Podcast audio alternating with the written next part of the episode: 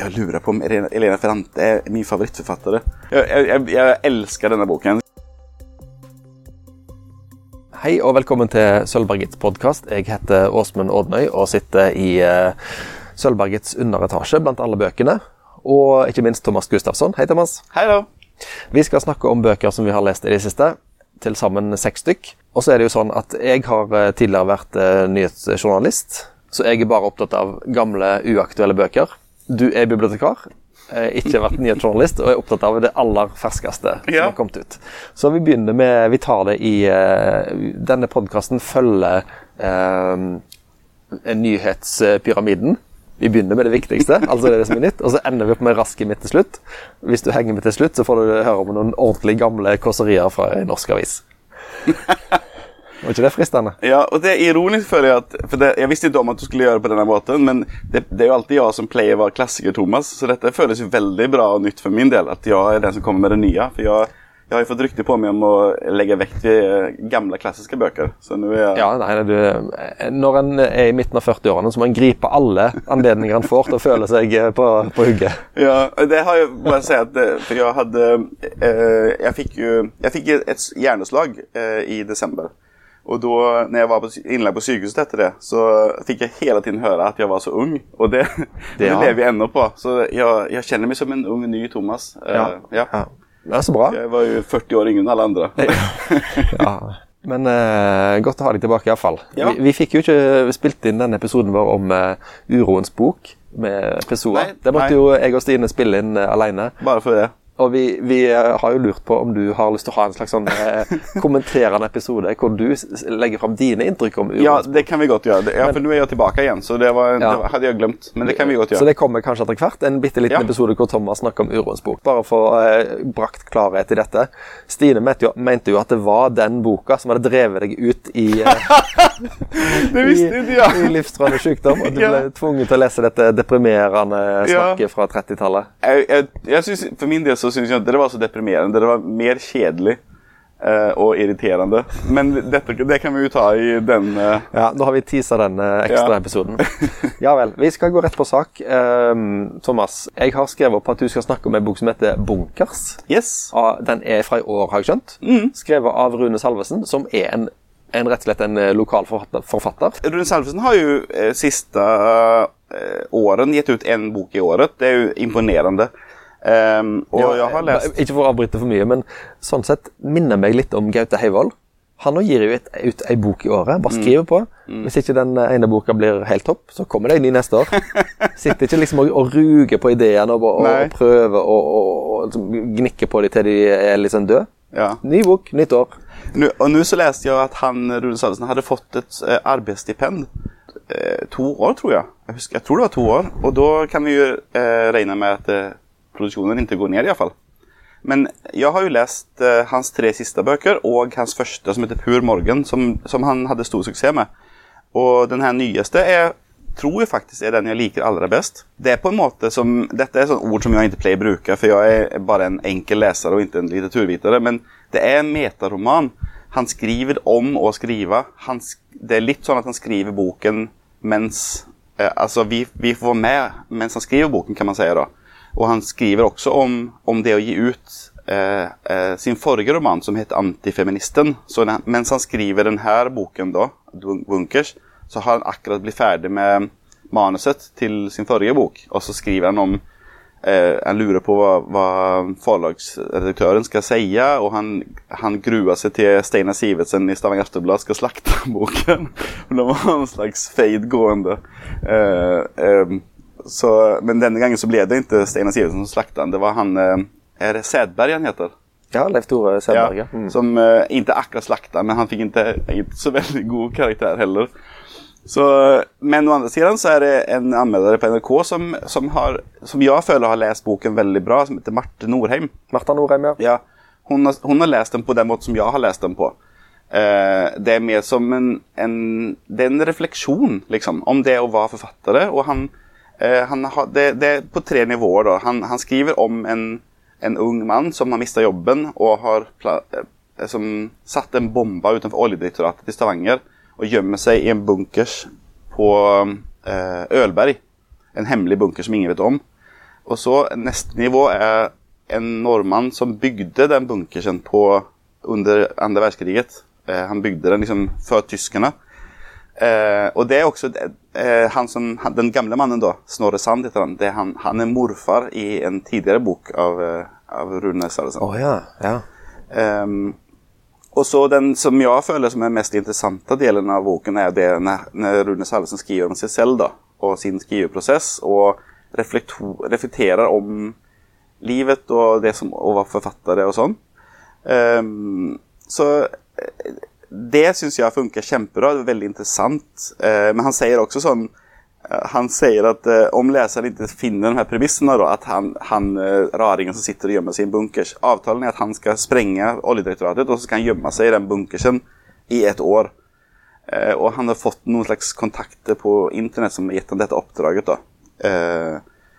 Om man ikke syns at det er et interessant eller troverdig konsept, så kan man, kan man også tenke seg at, eh, at han egentlig sitter innlåst på psykiatrisk eh, eller sånn.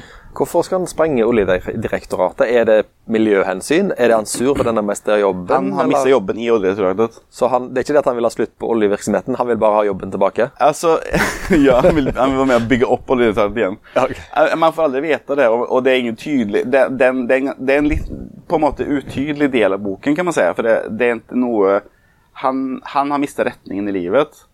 Um, og har liksom på en måte hamnet i dårlig omgang på nettet. da, Og har blitt på en måte hjernevaska av en eller annen sterk fyr på noe introduksjonsforum til å, til å gjøre dette. Ja. Um, og det, det er en ut, litt utydelig del av boken, kan okay. man si. Så det har ingenting med på en måte uh, terrorisme i form av noe sånn eh, religionsbasert terrorisme, dette? Nei. Nei. Han er eh, en vanlig fyr, på en Ja. måte. Eh, og så eh, altså Rune Salvesen skriver i begynnelsen at han har lyst til å skrive en bok om terror.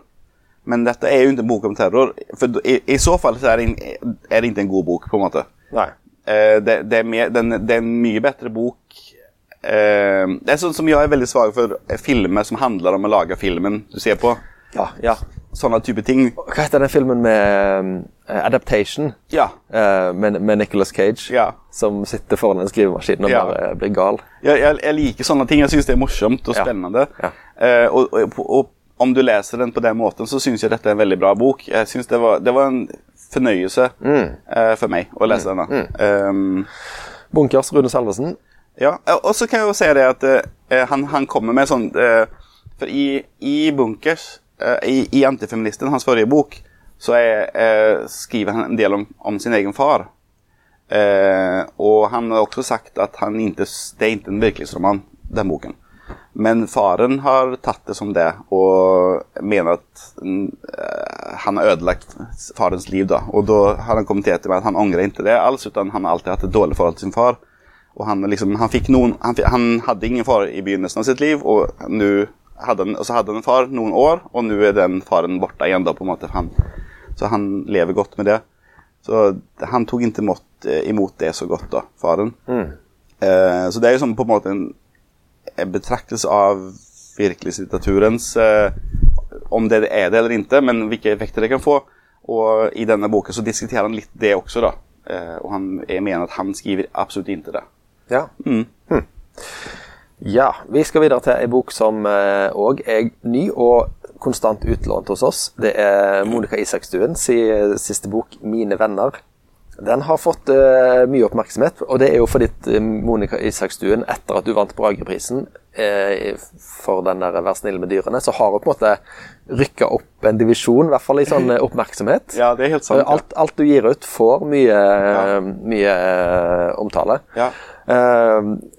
Jeg har ikke lest den sjøl, men jeg har skjønt at det er ei bok om vennskap som eh, går i tusen knas Ja. for full musikk. Det ja, det kan man jo si. Jeg har ikke hørt uttrykket før. det, det, det, det norske uttrykket for full musikk? Uh, nei, Hva heter det på svensk? jeg vet ikke. Men det er bare for det, det er virkelig sant at det, det går i full, full knas. For det er alle, alle Altså, jeg kan jo bare begynne å snakke om boken nå, da.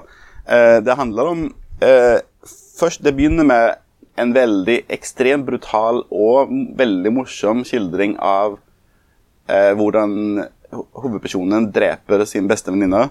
veldig sånn eh, eksplisitt, da, liksom. Eh, og så får, skriver hun noen sider om hvordan hun slår i hjel henne. Og så, og, så tenk, og så er det sånn nei, nei, kanskje ikke sånn. Og så begynner hun om igjen. En annen måte å ha i henne på. Og så tre forskjellige måter får vi det på. Og så begynner på en måte selve boken, da.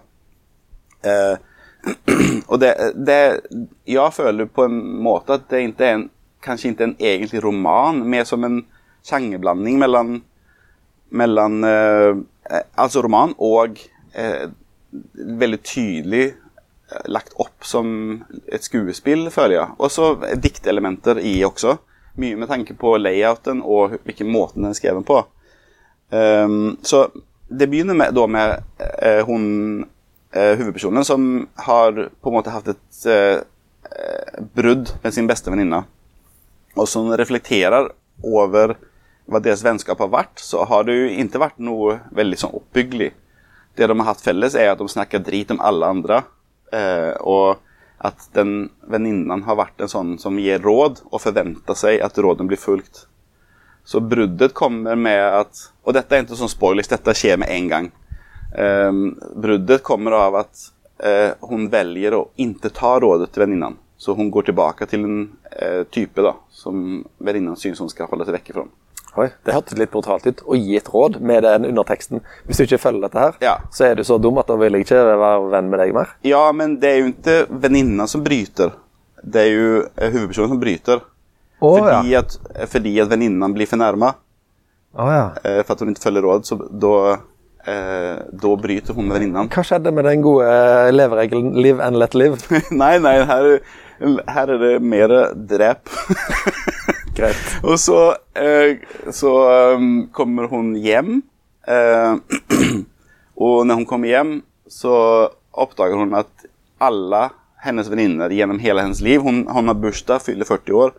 Alle hun har hatt, vært venninne med gjennom hele sitt liv, er samla i hennes leilighet for å feire henne. Eh, Og det, det er også sånn at det er litt sånn som med, ant- med bunkers. Det, det er litt utydelig om det faktisk skjer, eller om det er en, snarere en refleksjon. da. For eh, det er folk fra barneskolen på en måte, og, altså, så det, gjennom hele livet. da.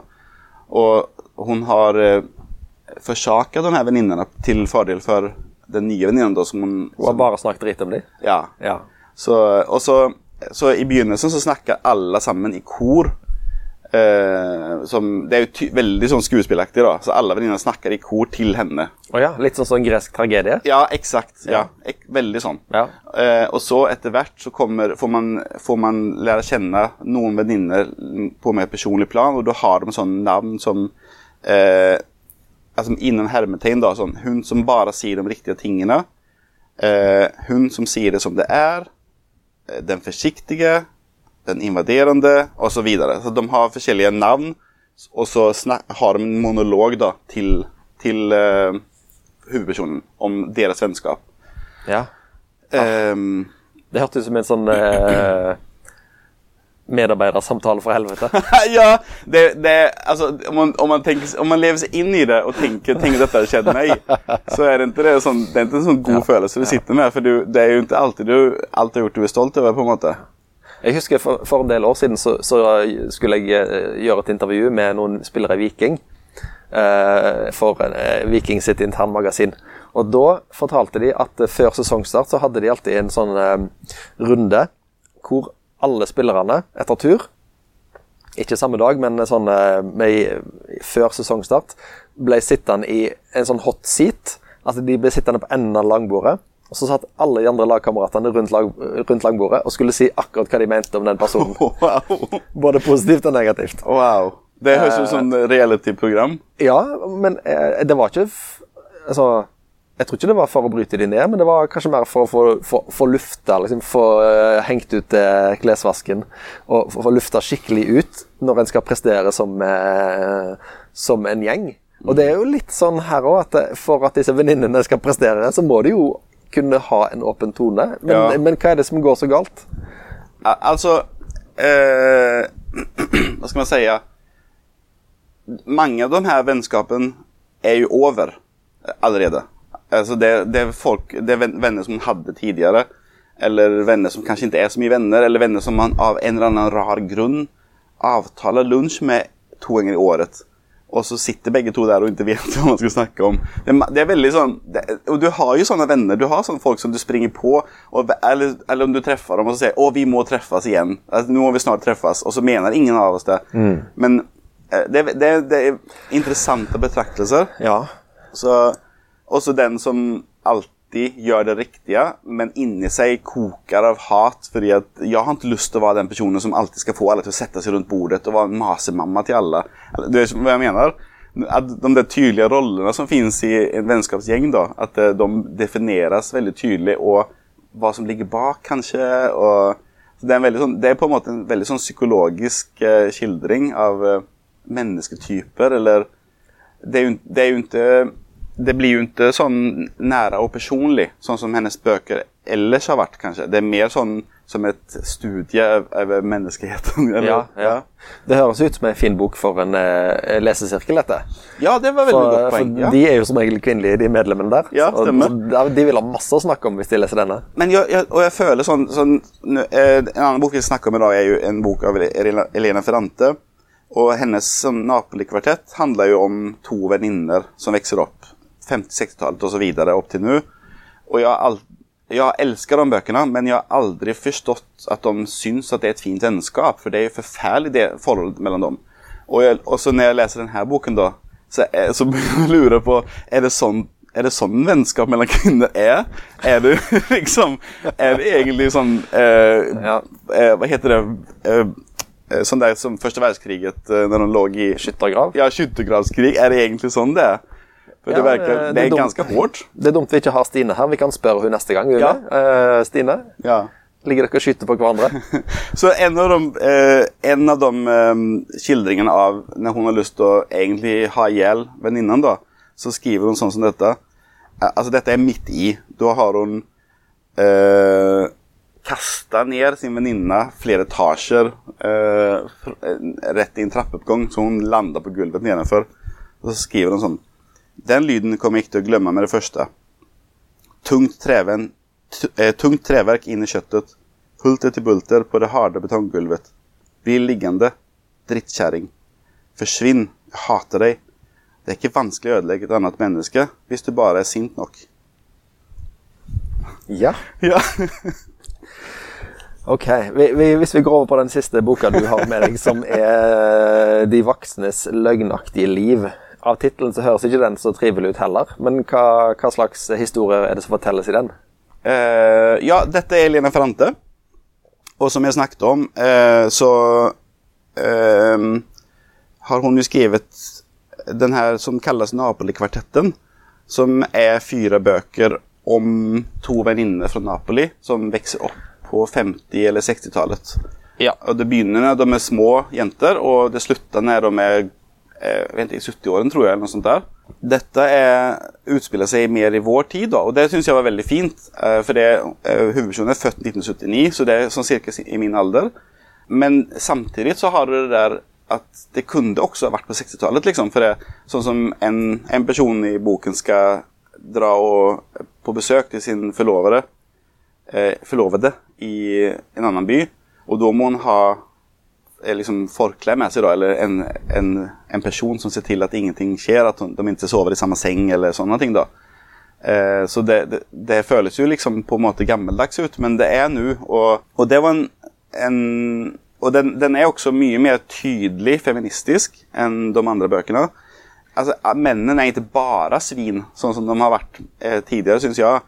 De er svin, men de, også, de har også andre egenskaper. Små svin? Svaghet, eksempel. De viser Ja. litt svaghet. De, Ja. de, vis, de kan vise eh, at jeg liker deg, selv om de viser det på en rar måte. Så har de, en, de har fått litt, en, en ekstra dimensjon, da. Og jeg føler at det er en sånn at, eh, at hun er veldig flink på å få fram den framgangen eh, i, i italienske samfunnet. da, liksom at Sånn som de samme type halvgangsterfolk eh, som eh, for 40 år siden finnes ennå, men de, de også har forandret seg litt. da. Det handler om eh, en ung eh, jente som heter Giovanna, eh, som lever i den bedre delen av Napoli. Hennes pappa kommer fra den fattige delen, den delen som de, hennes andre bøker handler om. men har liksom kutta vekk hele sin familie, alt sitt gamle liv. Og hun har et lykkelig liv, kan man si. Eh, hun har ikke så mye venner, men hun har en vennefamilie med to jenter som er litt yngre enn henne, som hun er med. så en dag så hører hun pappaen si til sin eh, fru, da, mammaen, at uh, Giovanna har begynt å få fjeset til Vittoria. Det er pappaens søster, som han hater. Hun hater han. Og det, det fører til at hun blir besatt av å treffe Victoria. da. Altså, og vet Hvorfor sa han sånn? For hun vet, hun vet nesten ingenting, og det fins ingen bilder i huset av henne. Men hun vet at, de, at det er en fiende til familien. Og så i samband, altså Det får hun til, treffer henne, og, og, da, og liksom, etter hvert så bryter alt sammen, på en måte, kan man si. Jeg har ikke lyst til å si så mye om selve handlingen, for det da mm. ja, å lese. Er det en slags krim? Eh, nei. nei. Det er en typisk Ferrante-bok kan man säga. Det handler om alle de te temana som, som, normalt finnes i hennes bøker, er her. Men for min del så føles det som en förädling av hennes eh, forfatterskap. Jag jeg føler at det, det kanskje er hennes beste bok. Ja. Eh, och du slipper å lese fyra bøker. Du kan lese denne, og da får du på en måte, føler jeg, essensen av Elina Ferrante. Ja, nettopp. Eh, og jeg ble sånn Jeg leste den jeg hadde tre forskjellige. Jeg, leste, jeg hadde fysisk bok, jeg hadde e-bok for å lese i sengen, og jeg hadde lydbok for å eh, høre på mens jeg gikk til jobbet eller uh, rydda kjøkkenet. og sånn. Så jeg levde denne boken, og det, jeg angrer litt, for den tok slutt så fort. Men ja. samtidig så jeg bare levde i den boblen ja. i noen dager. Ja. Jeg syns den var fantastisk. Jeg, jeg et, når jeg var ferdig med den, så tenkte jeg sånn selvhøytidelig tanker som, som jeg, jeg, lurer på om Elena Ferrante er min favorittforfatter. Så den der Jeg, jeg, jeg elsker denne boken. Jeg syns ja, ja. den er Den var eh, Altså, eh, den er, den er både dyp og lett. Eh, typisk Altså, den er Den går langt inn i folks eh, i sjelen til mennesket, men samtidig så er det ingenting komplisert å lese det. Du kan lese det på hvilken måte du vil. Mm. Og så den tittelen eh, 'De voksnes løgnete liv' eh, liksom, Det begynner med den der setningen som pappaen sa til mammaen når han trodde at datteren ikke hørte. Og det var bare fordi at hun hadde begynt å få litt dårlige karakterer i skolen. Oh, ja. og, og, så fører det til så utrolig mye, og så oppdager hun etter hvert at alle lyver. Og det, det de voksne sier, at det er ikke lov å lyve, men det er ingen som lyver så mye som voksne. Liksom. Det er jo faktisk helt sant. Ja. Eh, når du nevnte det her med at du ikke trenger å lese fire bøker, så kom jeg jo på Jeg har jo lest, eh, jeg har lest den første av de fire bøkene, men jeg har lest de to litt tynnere bøkene hennes, som heter 'Svikne dager' og 'Kvelende kjærleik'. Mm. Og jeg likte de sånn eh, Ja, jeg likte de, eh, men det er mer enn at jeg kan sette en tommel opp eller ned. Så forbinder jeg de med, med en veldig spesiell følelse å lese de forrente bøkene, for de er så intense. Mm. Jeg, jeg, fikk, jeg, husker jeg fikk nesten litt sånn pustevansker, ja. litt sånn klaustrofobi av å lese det. Ja. For det blir Alt blir skrudd så enormt til mm. til slutten. Og det er noen sånne scener i de bøkene der som jeg husker så godt, selv om, jeg, eh, selv om handlingen har forsvunnet litt. Sant? En ene scenen hvor en fyr eh, drikker av et glass som knuses i munnen hans. Altså at han sitter med Eller, nei, eh, hvordan er det? Kona har med vilje eller ikke blanda noe glasskår i pastasausen. Ja, det, er bare sånn ja, det er bare så grusom ting å lese om. Uh, og det er den der referantekloen som, som griper deg i alle bøkene hennes. Det, og, uh, det, er jo på en måte som å sitte og lese Hva er en sånn TV-serie sånn, om, om, du hadde hatt uh, sånn 24 i bokform? Altså det er sånn eller Homeland, eller noe sånt ja, der ja. ekstremt intenst. Men det, du, du, slipper det litt i denne boken. Okay. Den er ikke så intens. Det, jeg synes, det er kanskje derfor også jeg likte den så godt. Men jeg også må si at de, de, de tynne bøkene, de, som du sa det, det, Om jeg husker riktig, så er det hennes tidligste bøker. Selv om de kom ut på norsk eh, etter Kvartetten, det kan godt være. så kom de ut fordi at de, Kvartetten ble så suksessfull. da. Ja. Eh, så jeg føler at hun og jeg, jeg har også lest de bøkene, men jeg likte ikke dem så godt. Så likte jeg eh, de Napoli-bøkene veldig. Og denne boken syns jeg er enda bedre. Mm. Det er som at hun eh, Nå vet jo ingen hvem hun er, så vet jo ikke hvor gammel hun er, men hun har hatt en veldig sånn, tydelig progresjon, føler jeg, i, i forfatterskapet. Jeg, jeg syns dette var en utrolig bra bok. Og du eh, Det er som at hun har blitt litt tryggere. Hun, du, hun trenger ikke ha den sinnssyke intensiteten for å få fram sitt budskap, liksom. Da er den eh, anbefalt. Eh, Ja. Vi skal vi over til mine eh, evergreens. Yes. Eller gammelt rask, som Ja. jeg kan kalle det. Johan Borgen. Ja, men den tar vi til slutt. Okay, vi eh, vi skal først snakke om kraften av eh, Jeg har skrevet Naomi Campbell, men det er jo Naomi, Naomi Alderman som har skrevet den. Ja, Det ja, er som samme Freudian slip. Ja, nei. Uansett, eh, kraften The Power, har du lest den? Jeg vet ikke. Ja, det det, det er jo eh, ei bok om eh, En gang i framtida så har alle kvinnene i verden fått evnen til å, til å føre strøm gjennom hendene sine. De er født med en slags sånn eh, Det kalles på norsk, i den norske versjonen for en hespe, som er en slags sånn eh, kroppsdel inn, un, i, ved kragebeinet som, som ligner på en eh, liten orm, eller noe sånt, som fører strøm.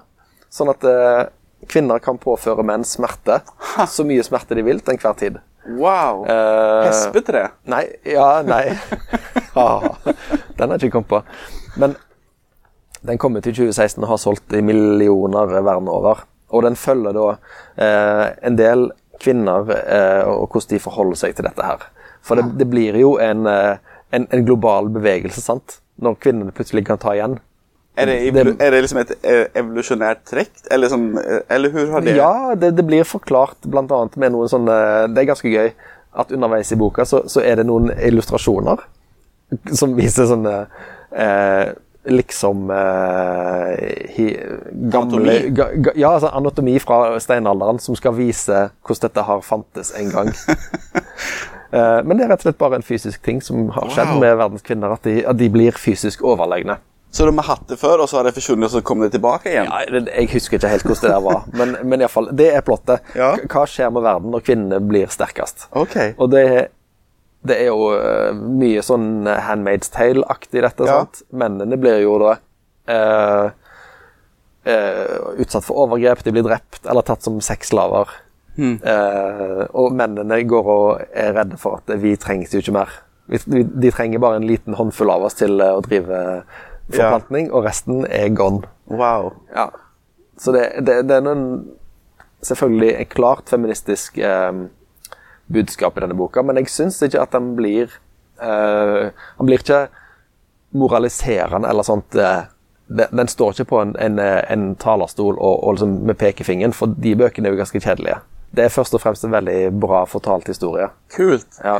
Jeg, jeg tenker på den jeg, eh, Er det ikke en bok som heter 'Egalias døtre', eller sånt der? Jo, det er akkurat det det er. Ja. Er, det, er det som uh, Det er det i den Det er i den tradisjonen, ja. Ja. Med hva skjer hvis eh, verden blir snudd litt. Ja.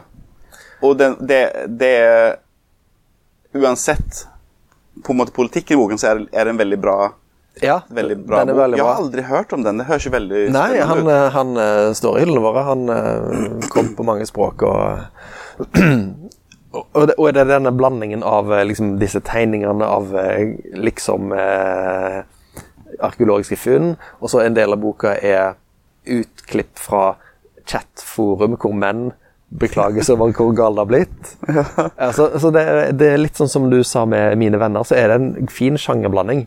Og det er korte kapitler, og perspektivet skifter fra kvinne til kvinne eh, gjennom boka, sånn at den er aldri tung, selv om den er ganske lang. da. Eh, igjen lesesirkelmateriale, så det Kult. holder. Det høres ut som noe jeg skal prøve meg på. Mm. Du leser den fort ut. Ja. Uh, det var kraften av Naomi Alderman, ikke Naomi Campbell. Den kom i 2016. Og så, Jeg har jo et sideprosjekt gående nå, det har jeg jo ofte. Og det er at jeg leser meg gjennom forfatterskapet til Nick Hornby. ja. Vi har holdt på en stund nå. Ja, jeg leser jo andre ting òg, så det går litt tid. Ja.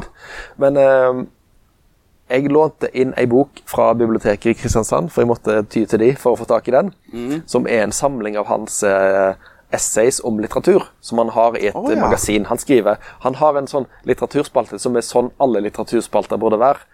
Han bare skriver om hva han har lest den siste måneden. Han, Wow. han anmelder ikke de nye bøker, han, han leser litt analyse. Litt sånn som vi gjør her. Liksom. Litt sånn som vi gjør. Ja, ja han, det er bare at han skriver om det, da. Og der- han gjør det bra. han gjør det bra. Ok. Uh, ja da. Eh, og der i den boka så skriver han bare i en bisetning at svogeren hans har gitt ut en roman nå som han også likte godt. For jeg skal snakke om boka 'Pompeii' av Robert Harris. Og Robert Harris er gift med søstera til Nick Mm. Tuller Hornby. du? Wow. Nei, nei, nei. Og søstera til Nick Hornby er òg forfatter, så ja. Sikkert interessante middagsselskap hos de. Ha. Men Pompeii fra 2003 er da eh, ei sånn bok som har et navn som gjør at du vet hva den handler om, bare med, bare med Ja. navnet.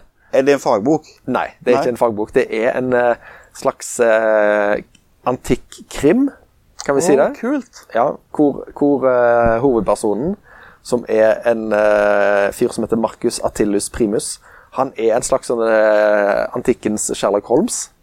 Han, han går rundt i dette eh, landskapet i Sør-Italia med vitenskapen først og vitenskapen sist. Ja. Sånn at når de andre ber til all slags guder og tolker tegn og ser på skyen og sånt, så, så, så forholder han seg til liksom vitenskapen, det han kan se og det han vet. For han er tilkalt ned til Napoli fordi at eh, vannledningen som går eh, inn i fjellet, Ja. og som bringer vann til disse byene, har tetna seg til. Okay. Av en eller annen grunn. Hmm, hva kan det være? Dette er i år 79 ute i auguster spennende. Og vi vet jo hva som kommer til å skje, sant? Ja.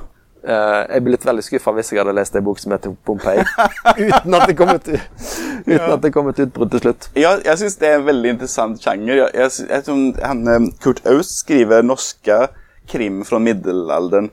Og jeg, jeg har alltid likt det godt. Jeg syns det er spennende med liksom eh, helt, Og jeg leser jo ikke stort sett modern krim, men sånne spennende bøker fra, eh, fra før i tiden eh, er veldig Det er tiltalende for meg. Ja, men det, denne her var veldig fin, altså. Du skal være litt sånn glad i uh, Du skal være veldig glad i romersk historie, og du bør ha litt forkunnskap om det, kanskje, Ja. for å få fullt utbytte. Og så må du òg være litt sånn uh, klar for å høre om eh, betong, fall, fallhøyde Ja, men det, ja, jeg tror dette kanskje er noe for meg også. Akvedukter. Ja. Eh, jeg har skrevet en nettsak på sølvberg.no hvor jeg sier at dette er Hvis du kjenner en ingeniør, så må du gi denne boka til han. For det, det Her er det mye god naturvitenskap, Ja. pluss denne i overkant, må jeg jo si, i overkant skinnhellige hovedpersonen. Han er liksom heva over alt. Han er på en måte nikka ut av eh, 1900-tallet og sluppet ned i, i Ja. antikken, for han er han, han er på en måte eh, på et helt annet sted mentalt. da Ja. enn de. Og så slutter det selvfølgelig med at eh, Vesuv bryter ut, og vår helt ja, Nå spoiler jeg litt, men drit i. Vår helt han, han går imot lavastrømmen. Han går imot eh, askeregnet for å redde denne ene undertrykte kvinna som befinner seg i en villa oppe Ah, okay. i, oppe, oppe eh, Pompeii. Så. Men jeg, jeg tror at vi alle blir litt sprø hvis, det, hvis vi havner i vulkanutbrudd. Men ja, men ja er jo en sucker for en lykkelig slutt. Så, altså, på film, Jeg vet, vet ju inte om slutten er lykkelig, men jag, Hva tror du? Han, han går opp mot en landsby som holder på å bli begravd av aske? Ja, jeg er en, en klar optimist og och blir alltid skuffa, Men, men jeg regner med at han klarer å redde henne og så kommer hans, eh, kanske Da Vinci kommer med sin eh, hjemmetegnade helikopter og redder ham eh, från 1200 år senere. Ja, og så drar de til et sted hvor det er full likestilling og alt sånt. Ja. ja. Ja, men så bra, da. Det, Men om det er samme person som har skrevet om Hannibal-böckerna? Eh, det kan godt være. Han har skrevet en, en, noen andre serier, bl.a. om eh, den romerske politikeren kan, eh, Cato, mer- oh, ja, okay. mener jeg. Han har en sånn hangup på historisk fiksjon, okay. hvor han gjør mye research, og så putter han folk inn i det, og så lager han en Ja, historie. kult. Pompeii og Robert Harris. Den fins på norsk òg. Og så eh, er vi kommet til siste bok fra meg, og det er ei bok av eh, ingen ringere enn Johan Borgen. Han er jo en av de norske forfatterne fra midten av eh, 1900-tallet som eh, skrev i en rekke sjangre. Han var journalist, og han var kritiker, han var eh, romanforfatter, har gitt ut en trilogi som heter Lille Lord, som regnes som hans hovedverk innenfor skjønnlitteratur. Men jeg har lest en, eh, en essaysamling som heter 129 mumlegåsegg. Og dette er Nå må du ikke le. Dette er essays som han skrev i Dagbladet i 1939 til 1941. Oi, under den eh, perioden ja. Ja, og um, det er jo en fast øvelse i norske pressekretser å si at uh, avisene var bedre før, og iallfall Dagbladet var bedre før. Og da ser en gjerne tilbake på liksom en slags gullalder som skal ha vært en gang i tida, med liksom de store pennene, de store skribentene. Og Johan Borgen er jo en, en eh, representant for det. Men eh, 129 Mumle gåsegg, det er et første halvdel av det er et veldig fint eh, blikk på er liksom bare hverdagslivet i Norge i 1939. Oi. Med ja, alt av eh, Bare liksom det å gå i butikken og det å, å dra med tog og ting som den gang kanskje ikke var eh, bemerkelsesverdige i måten de ble gjort på, men når vi leser det med Alt blir jo litt spesielt når du leser det 80 år seinere. Ja, ja, når du sier det nå, så så kom jeg på en sånn, sånn bisetning bare som, som min mormor sa en gang til meg. At eh, når eh, min mamma og hennes søster var små, eh, så var det et eller annet som trengte å limas. Men de hadde ikke råd å kjøpe lim, så de måtte lage, de lagde sitt eget lim. liksom. Ja. Og det var helt vanlig. Ja. Og det bare sier sånn, alt hvor, hvor livet har forandret seg på 50 år, liksom. Det, det er så fullstendig annerledes liv. Ja. Og, og denne boka her er Først og fremst så er den en gave til alle norsklærere, vil jeg si. Eh, norsk slash historielærere. Bare se på eh, de stykkene han skriver fra Han skriver faktisk en artikkel på trykk 10.4.1940. Dagen etter okkupasjonen Ja. så har han en artikkel på trykk i Dagbladet. Og han skriver jevnlig helt fram til slutten av 1941. Da tror jeg at Dagbladet ble stoppa av sensuren. Og de artiklene han skriver under krigen, er en studie i sånn dobbeltkommunikasjon. Han skriver eh, artikler som går gjennom sensuren, for de kan ikke ta han på noe eh, antitysk i det som står der, mens Rent sånn på overflaten, liksom. Yes, Ja. og kanskje de var dumme som brød, men det er ganske snedgjort hvordan han smugler ut et patriotisk budskap cool. til leserne sine. Ja. Eh, samtidig som man ikke blir tatt for det. Så det er på en måte et, Så de bare stengte hele avisen istället? Liksom, jeg, tror, jeg tror Dagbladet til slutt eh, skrev ting som gjorde at de nesten hadde lyst å bli stansa. Mm -hmm. Altså de eh, For å liksom vise at vi eh, vil ta et tydelig, tydelig standpunkt. Ja. Men, men hvis en er dette, dette er en fin samling å ta for seg i, i klasserommet, vil jeg si. For, Mm. for når, hvis, en, hvis en lærer har lyst til å liksom, lære elever opp i å se etter språklige virkemidler og hvordan språket kan brukes Han har f.eks. En, eh, et stykke som heter 'Det var en gang'. Og det handler på overflaten om tre personer som er ute og går på ski vinteren 1939, og havner inn på ei hytte hvor de eh, ser et kart over Europa, sånn som det var den gangen. Eh, og så Ja. Det er egentlig bare det det handler om. Og, men, du forstår på en måte at det, det, det handler mye mer. Det Ja. handler om at kartet er blitt helt forandra, og så har du dette med det, med det der eventyraktige starten med 'det var en gang'. Hva betyr det? Betyr Ja. at han eh, at han eh, tror at det, det, verden er et eventyr som til slutt vil få en happy ending. Oh, ja, ok. Eh, Ja. og sånt, da har han en, eh, et stykke som heter 'Den lange timen'. Eh, den lange timen det er fra det begynner å bli så mørkt at det ikke går an å sitte inne og lese mer, til det blir så mørkt at det ikke går an å sitte ute. Det, hvis du kaller et stykke for Den lange timen i 1941, så vet du egentlig hva det går i, selv om teksten tilsynelatende bare er en beskrivelse av dagen som går mot slutten. Så Det, det, jeg syns det er kult at den er 80 år gammel. tekstene er 80 år gamle, ja. Og så er det likevel så det, det er lett å sitte, igjen, sitte med en sånn følelse hele sånn, Nå har vi jo snakket om bøker som från, Sånn som han fra Pompeii, da. Det er lett å, å tenke at folk var litt korta før, men, men det er jo ikke sånn det er. og Folk har alltid hatt samme cirka intelligensnivå. Og det, jeg tror det gir mye å ikke bare være opptatt av det som er nytt, selv om jeg i dag har lest nye bøker, men at, at du, du kan få innsikt av å tenke og liksom lese noe fra en, en annen tidsalder og se det kan Det er det som utgjør begrepet klassiker, på en måte. Sant? At du Ja. kan få noe ut av det, selv om det er gammelt. Og så håper jeg virkelig at du ikke tror at vi avslutter her uten at du forteller meg hva 129 mumle gåsegg betyr. Mumle, mumle gåsegg, det er et norsk folkeeventyr. Å! Ja, om en gås som spiste mye mat. Men hva betyr mumle på norsk? Altså, snakke utydelig? Snakker utydelig. Oh, ja, ok, Men det mumle gåsegg er navnet på denne gåsa, Å ja. tror jeg. Det er ikke mitt favoritteventyr, så jeg husker ikke helt. Du ser jo ikke folk som hører på, men vi sitter faktisk mellom oss. Er det faktisk en sånn utstoppa gås? Du, vi skal ta bilde av Det ble coverbildet til denne Ja, episoden. veldig kjekt. Eh, men i tillegg så eh, Altså 129 er jo antall, Ja. antall artikler. Og Mumle var signaturen som Johan Borgen brukte. Oh. Det var pseudonymet hans i Dagbladet. Oi, ok. Det var ja. nok en offentlig hemmelighet at det var Johan Borgen, men, Ja. eh, men eh, det var det han signerte med. Det var mye vanligere før å ikke Ja. bruke navn Stemmer. i avisene. Så det han hadde liksom ett navn, han skrev sine vanlige ting, og så i avisen så hadde han et sånn pennnavn? liksom. Ja, okay. ja, Det kan godt hende han skrev artikler under Johan Borgen-navnet òg, altså i, i avisene. Det, det vet jeg ikke helt. Var han litt mer løssluppen da, liksom under det pseudonymet? Er det det som var at han ikke skal Det tror jeg han var, ja. Ja, ok. Ja. Men eh, fin bok. Og- Dette var en veldig kjekk gjennomgang av alt mulig rart. Ja. Nesten som biblioteket sjøl. Ja. Bra. Men uh, dette må vi gjøre oftere, Thomas. Mm. Nå er jo du uh, på bedringens vei. Jeg er tilbake. Du er tilbake.